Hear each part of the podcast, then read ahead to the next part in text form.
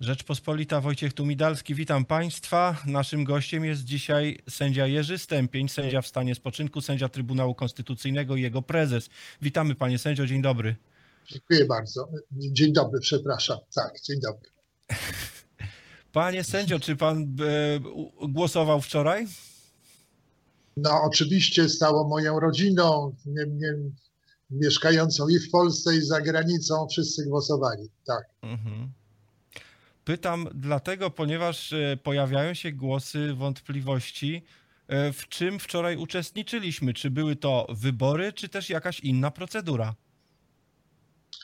No, tutaj są różne, różne zdania na ten temat. Ja uważam, że e, mimo wszystkich tych błędów, które zostały popełnione przy wyznaczaniu daty wyborów, uchwalaniu prawa no jednak y, to były y, wybory, ale no, miejmy świadomość, że nie trzymały się wszystkich standardów, które powinny być przestrzegane w państwie prawa.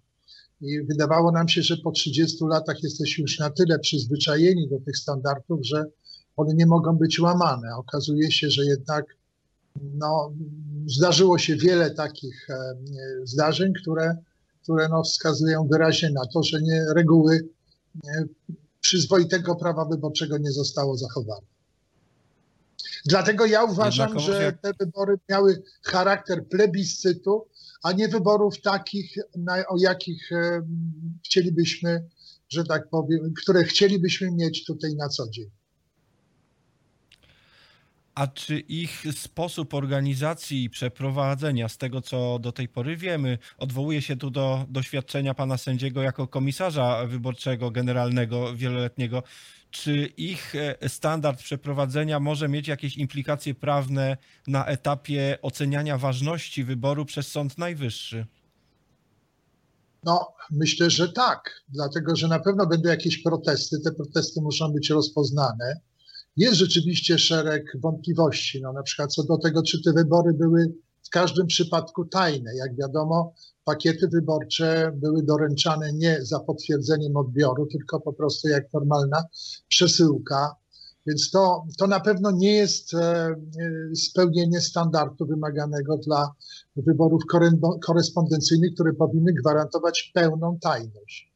Na pewno tak nie było. Kwestia powszechności tych wyborów, prawda? Przecież wiadomo, że bardzo wiele osób mieszkających za granicą, obywateli polskich, którzy mają pełne prawa, nie mogło, nie mogło brać udziału z przyczyn obiektywnych, no ale pamiętajmy też, że te przyczyny obiektywne zostały wywołane pandemią, tak? To, to rzecz nie byle jaka, prawda? Natomiast rządzący zupełnie przeszli do porządku dziennego na tym, że mamy do czynienia właśnie z pandemią. Także jest tutaj szereg takich e, punktów, które na pewno powinny być ocenione z punktu widzenia zachowania wszystkich e, procedur wyborczych. Ale co zrobi Sąd Najwyższy? Tym bardziej, że no wiemy, że mamy tam inną, inną izbę do, powołaną do tego, żeby stwierdzać prawidłowość wyborów, czy nie, inną izbę niż ta, która dotąd to zwykle w Sądzie Najwyższym robi. No tak, będzie to robić e, Izba Kontroli Nadzwyczajnej i Spraw Publicznych, tak. składająca się w całości. Tak. Składająca się w całości z e, sędziów powołanych w obecnej procedurze z udziałem e, Krajowej Rady Sądownictwa w bieżącym składzie, z, z tym trzonem sędziowskim, który wywołuje pewne wątpliwości, ale co do samego faktu, że no, głosowanie się odbyło i wybory się odbyły, to słyszę, że pan sędzia zbliża się do takiej głoszonej przez profesora Cieślaka, pańskiego znajomego dawniej z Trybunału e, e, normatywno-aksjologicznej e, wykładni prawnej, teorii prawa rozumianej w ten sposób, że no to jednak są fakty dokonane, że coś się wydarzyło, że nie możemy abstrahować od tego, iż y, żyjemy w sytuacji, w której wybory 10 maja nie odbyły się i nie mogły się odbyć i minął konstytucyjny termin na ich przeprowadzenie, a jeszcze jesteśmy w ciągu kadencji prezydenta Dudy kończącej się 6 sierpnia i do tego czasu, jak rozumiem, rządzący uznali, że muszą e, no jakoś rozwiązać tę sytuację, tak? Tak, y, ale moim zdaniem było inne rozwiązanie. Właśnie y, zresztą pisałem o tym. Y, należało poczekać do zakończenia kadencji pana prezydenta Dudy i po prostu wyznaczyć nowy termin wyborów. na, na, normalnych zasadach, czyli po prostu wszyscy zgłaszają się na nowo, muszą zebrać podpisy i tak dalej, i tak dalej. No tak powinno moim zdaniem być. Tak się nie stało. No, nieraz bywało tak, że zasady prawa, nawet konstytucja ustępuje właśnie dyktatowi faktów dokonanych, woli politycznej, w tym przypadku nie tylko rządzących, ale także i opozycji, bo jak wiadomo, opozycja tym razem poparła koncepcję wyborów 28 czerwca. Ale myślę, że niezależnie od tego, co się wydarzy, to jednak ta sprawa będzie się ciągnęła. Będzie mm, właśnie ta nie, nie, nie, ta niestuprocentowa pewność co do tego, czy wszystko odbyło się legalnie, za, za każdą prezydenturą, niezależnie od tego, kto wygra te wybory, będzie się jakoś ciągnęła. I będę, na pewno jest to jest jakieś memento na przyszłość. Że takie rzeczy no tak, nie na przyszłość, ale to, czy to w jakikolwiek sposób wpłynie na mandat prezydenta, który zostanie wybrany? Wybory jeszcze nie są rozstrzygnięte. Równie dobrze może to tak. być e, rywal Andrzeja Dudy, czyli Rafał Trzaskowski. Więc e, no, ktokolwiek wygra, to czy będzie miał tytuł prawny, żeby podważać ten wybór? Ten przegrany, jak rozumiem, bardziej zainteresowany podważaniem na pewno ktoś będzie podważał. Nie wiem, czy, czy któraś z tych osób, które startują w drugiej turze, prawda? No bo ktoś przegra, ktoś wygra. Hmm. Nie wiem. Wydaje mi się, że ze strony zarówno urzędującego prezydenta, jak i kontrkandydata chyba nie będzie protestów, dlatego że no, obydwie te podmioty życia politycznego zgodziły się na wybory 28 czerwca właśnie w takim anturażu, w takich warunkach e, prawnoustrojowych, prawda? I myślę, że żaden z nich nie będzie podważał ważności, ważności tego aktu wyborczego. Chyba, chyba, że na przykład wynik e, będzie zakładał różnicę jakąś minimalną rzędu e, promila, czy to, tego, tego się też nie da wykluczyć, prawda? Bo jak widzimy z sondaży przed drugą turą wynika, że obaj kandydaci zachowują mniej więcej taką, taki sam poziom poparcia. Jest bardzo duża liczba osób y, niezdecydowanych, prawie 10%. To jest rzecz rzeczywiście zdumiewająca, że po tak długiej kampanii e, no jednak cała masa ludzi, no 10% to jest jednak tłum, nie, nie ma jeszcze wyrobionego stanowiska. Mnie to martwi oczywiście, ale z drugiej strony cieszy wysoka frekwencja wyborcza, prawda, która już nas sytuuje w gronie no, państw, które zachowują się, że tak powiem, e, na odpowiednim poziomie tej akceptacji państwa demokratycznego. No właśnie o frekwencję chciałem zapytać, bo rzeczywiście przebiliśmy ten magiczny próg 60%. E, do tej pory bardzo rzadko przebijany. E, jak pan myśli, panie sędzio, no bo cały czas mówimy o jakichś 40% naszych rodaków, sąsiadów, mieszkańców e, sąsiedniej klatki schodowej z zapłota, którzy z jakichś przyczyn nie są zainteresowani polityką, ale też nie są zainteresowani korzystaniem ze swoich praw wyborczych. To może nawet ważniejsze od polityki.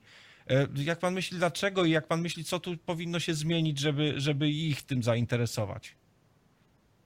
No, to jest tylko chyba jedna droga do osiągnięcia jakiegoś optymalnego poziomu, mianowicie edukacja, edukacja, jeszcze raz edukacja i to edukacja zarówno w szkole, jak i w rodzinach, prawda, zupełnie inaczej młodzież patrzy na wyborczy wtedy, kiedy widzi, że rodzice głosują, że dyskutują na ten temat, że z dziećmi idą na przykład do lokalu wyborczego, prawda? Nawet taka trochę zabawowa jakby strona tego aktu wyborczego, że dziecka, dziecko wrzuca e, za rodzica tę kopertę. To wszystko powoduje, to jest jakiś rodzaj bardzo ważnej obywatelskiej edukacji. E, tego jeszcze na e, każdym poziomie, że tak powiem, naszej, naszego społeczeństwa, no nie, nie mamy jeszcze, prawda? Jeszcze tutaj przed nami daleka droga. No, ja się będę uspokajał, kiedy frekwencja będzie przekraczała 70, 70 parę procent. Prawda? Wtedy powiem tak, no jesteśmy dojrzałym społeczeństwem, które wie, jakie są prawa, obowiązki, poczuwa się do odpowiedzialności za losy wspólnoty. Natomiast tego poczucia właśnie odpowiedzialności za wspólnotę, no to jeszcze tutaj nie osiągnęliśmy takiego zadowalającego No to zdumiewające, bo nawet w 4 czerwca 1989 roku e, e, ledwie no, no, około 60% poszło, poszło do urn. Nawet wtedy. Tak, 62%, może rzeczywiście to... 62% to mniej więcej taka no, frekwencja właśnie. jak właśnie w tej chwili. Tak. Mhm.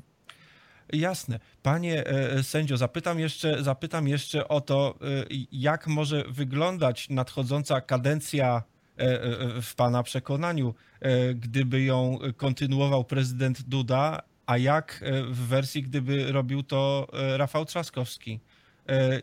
Mając na uwadze oczywiście nie tyle samą politykę, co możliwości, prerogatywy i, i, i sposób, możliwy sposób sprawowania funkcji prezydenta przez, przez, przez któregoś z tych dwóch kandydatów. Jak pan myśli?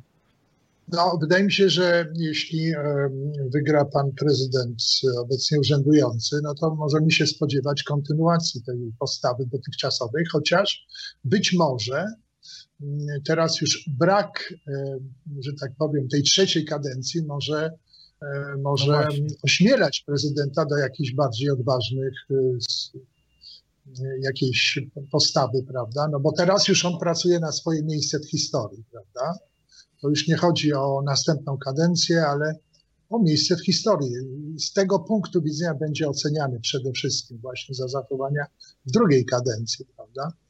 Natomiast e, jeśli wygra kontrka, kontrkandydat, prawda, jestem przekonany, że no, na, za, zacznie się jakiś proces naprawiania e, instytucji tych wszystkich, które zostały no, bardzo poważnie nadszarpnięte w ciągu ostatnich e, czterech lat. Nie wiem, jak będzie to wyglądało. Niewiele może, że panie, panie sędzio. Niewiele może, niewiele może, ale może hamować, prawda? Na przykład kolejne jakieś, e, no, na przykład prezydent powołuje sędziów Sądu Najwyższego i innych sędziów, prawda? Może się okazać, że będzie miał tutaj wątpliwości co do konstytucyjności, tak jak wszyscy prawnicy właściwie mają w odniesieniu do e, statusu Krajowej Rady Sądownictwa, prawda? I co do tego, czy e, kandydatury zgłaszane przez Krajową Radę Sądownictwa e, są właściwie, że tak powiem, wyodrębnione i być może prezydent nie będzie chciał powoływać tych sędziów zgłaszanych przez taką, a nie inną krajową Radę Sądownictwa. Więc tutaj można spodziewać się wielu, wielu rzeczy. Moim zdaniem zmierzających do pewnej stabilizacji, ale być może także i do narastających konfliktów. Nie wiem. Trudno to przewidzieć. Nie chcę się bawić proroka, ale nie mam też jakiejś jasnej, jasnej wizji tego, co się może zdarzyć. Bez wątpienia czekają nas ciekawe czasy. E, takie Oby nasze szczęście, albo niektórzy czas, powiedzą, że tak? przekleństwo. Tak? tak. Otóż właśnie. Chińskie przysłowie. Bardzo dziękuję podobnie. panie sędzio za to spotkanie. Ja również. Tak mówią. Dziękuję. Wszystkiego dobrego. Jerzy Stępień, sędzia, prezes Trybunału, Sprawie... E, Trybunału Konstytucyjnego w stanie spoczynku, był dzisiaj naszym gościem. Wojciech Tumidalski, Rzeczpospolita. Do zobaczenia. Dziękuję również. Do zobaczenia. Do widzenia.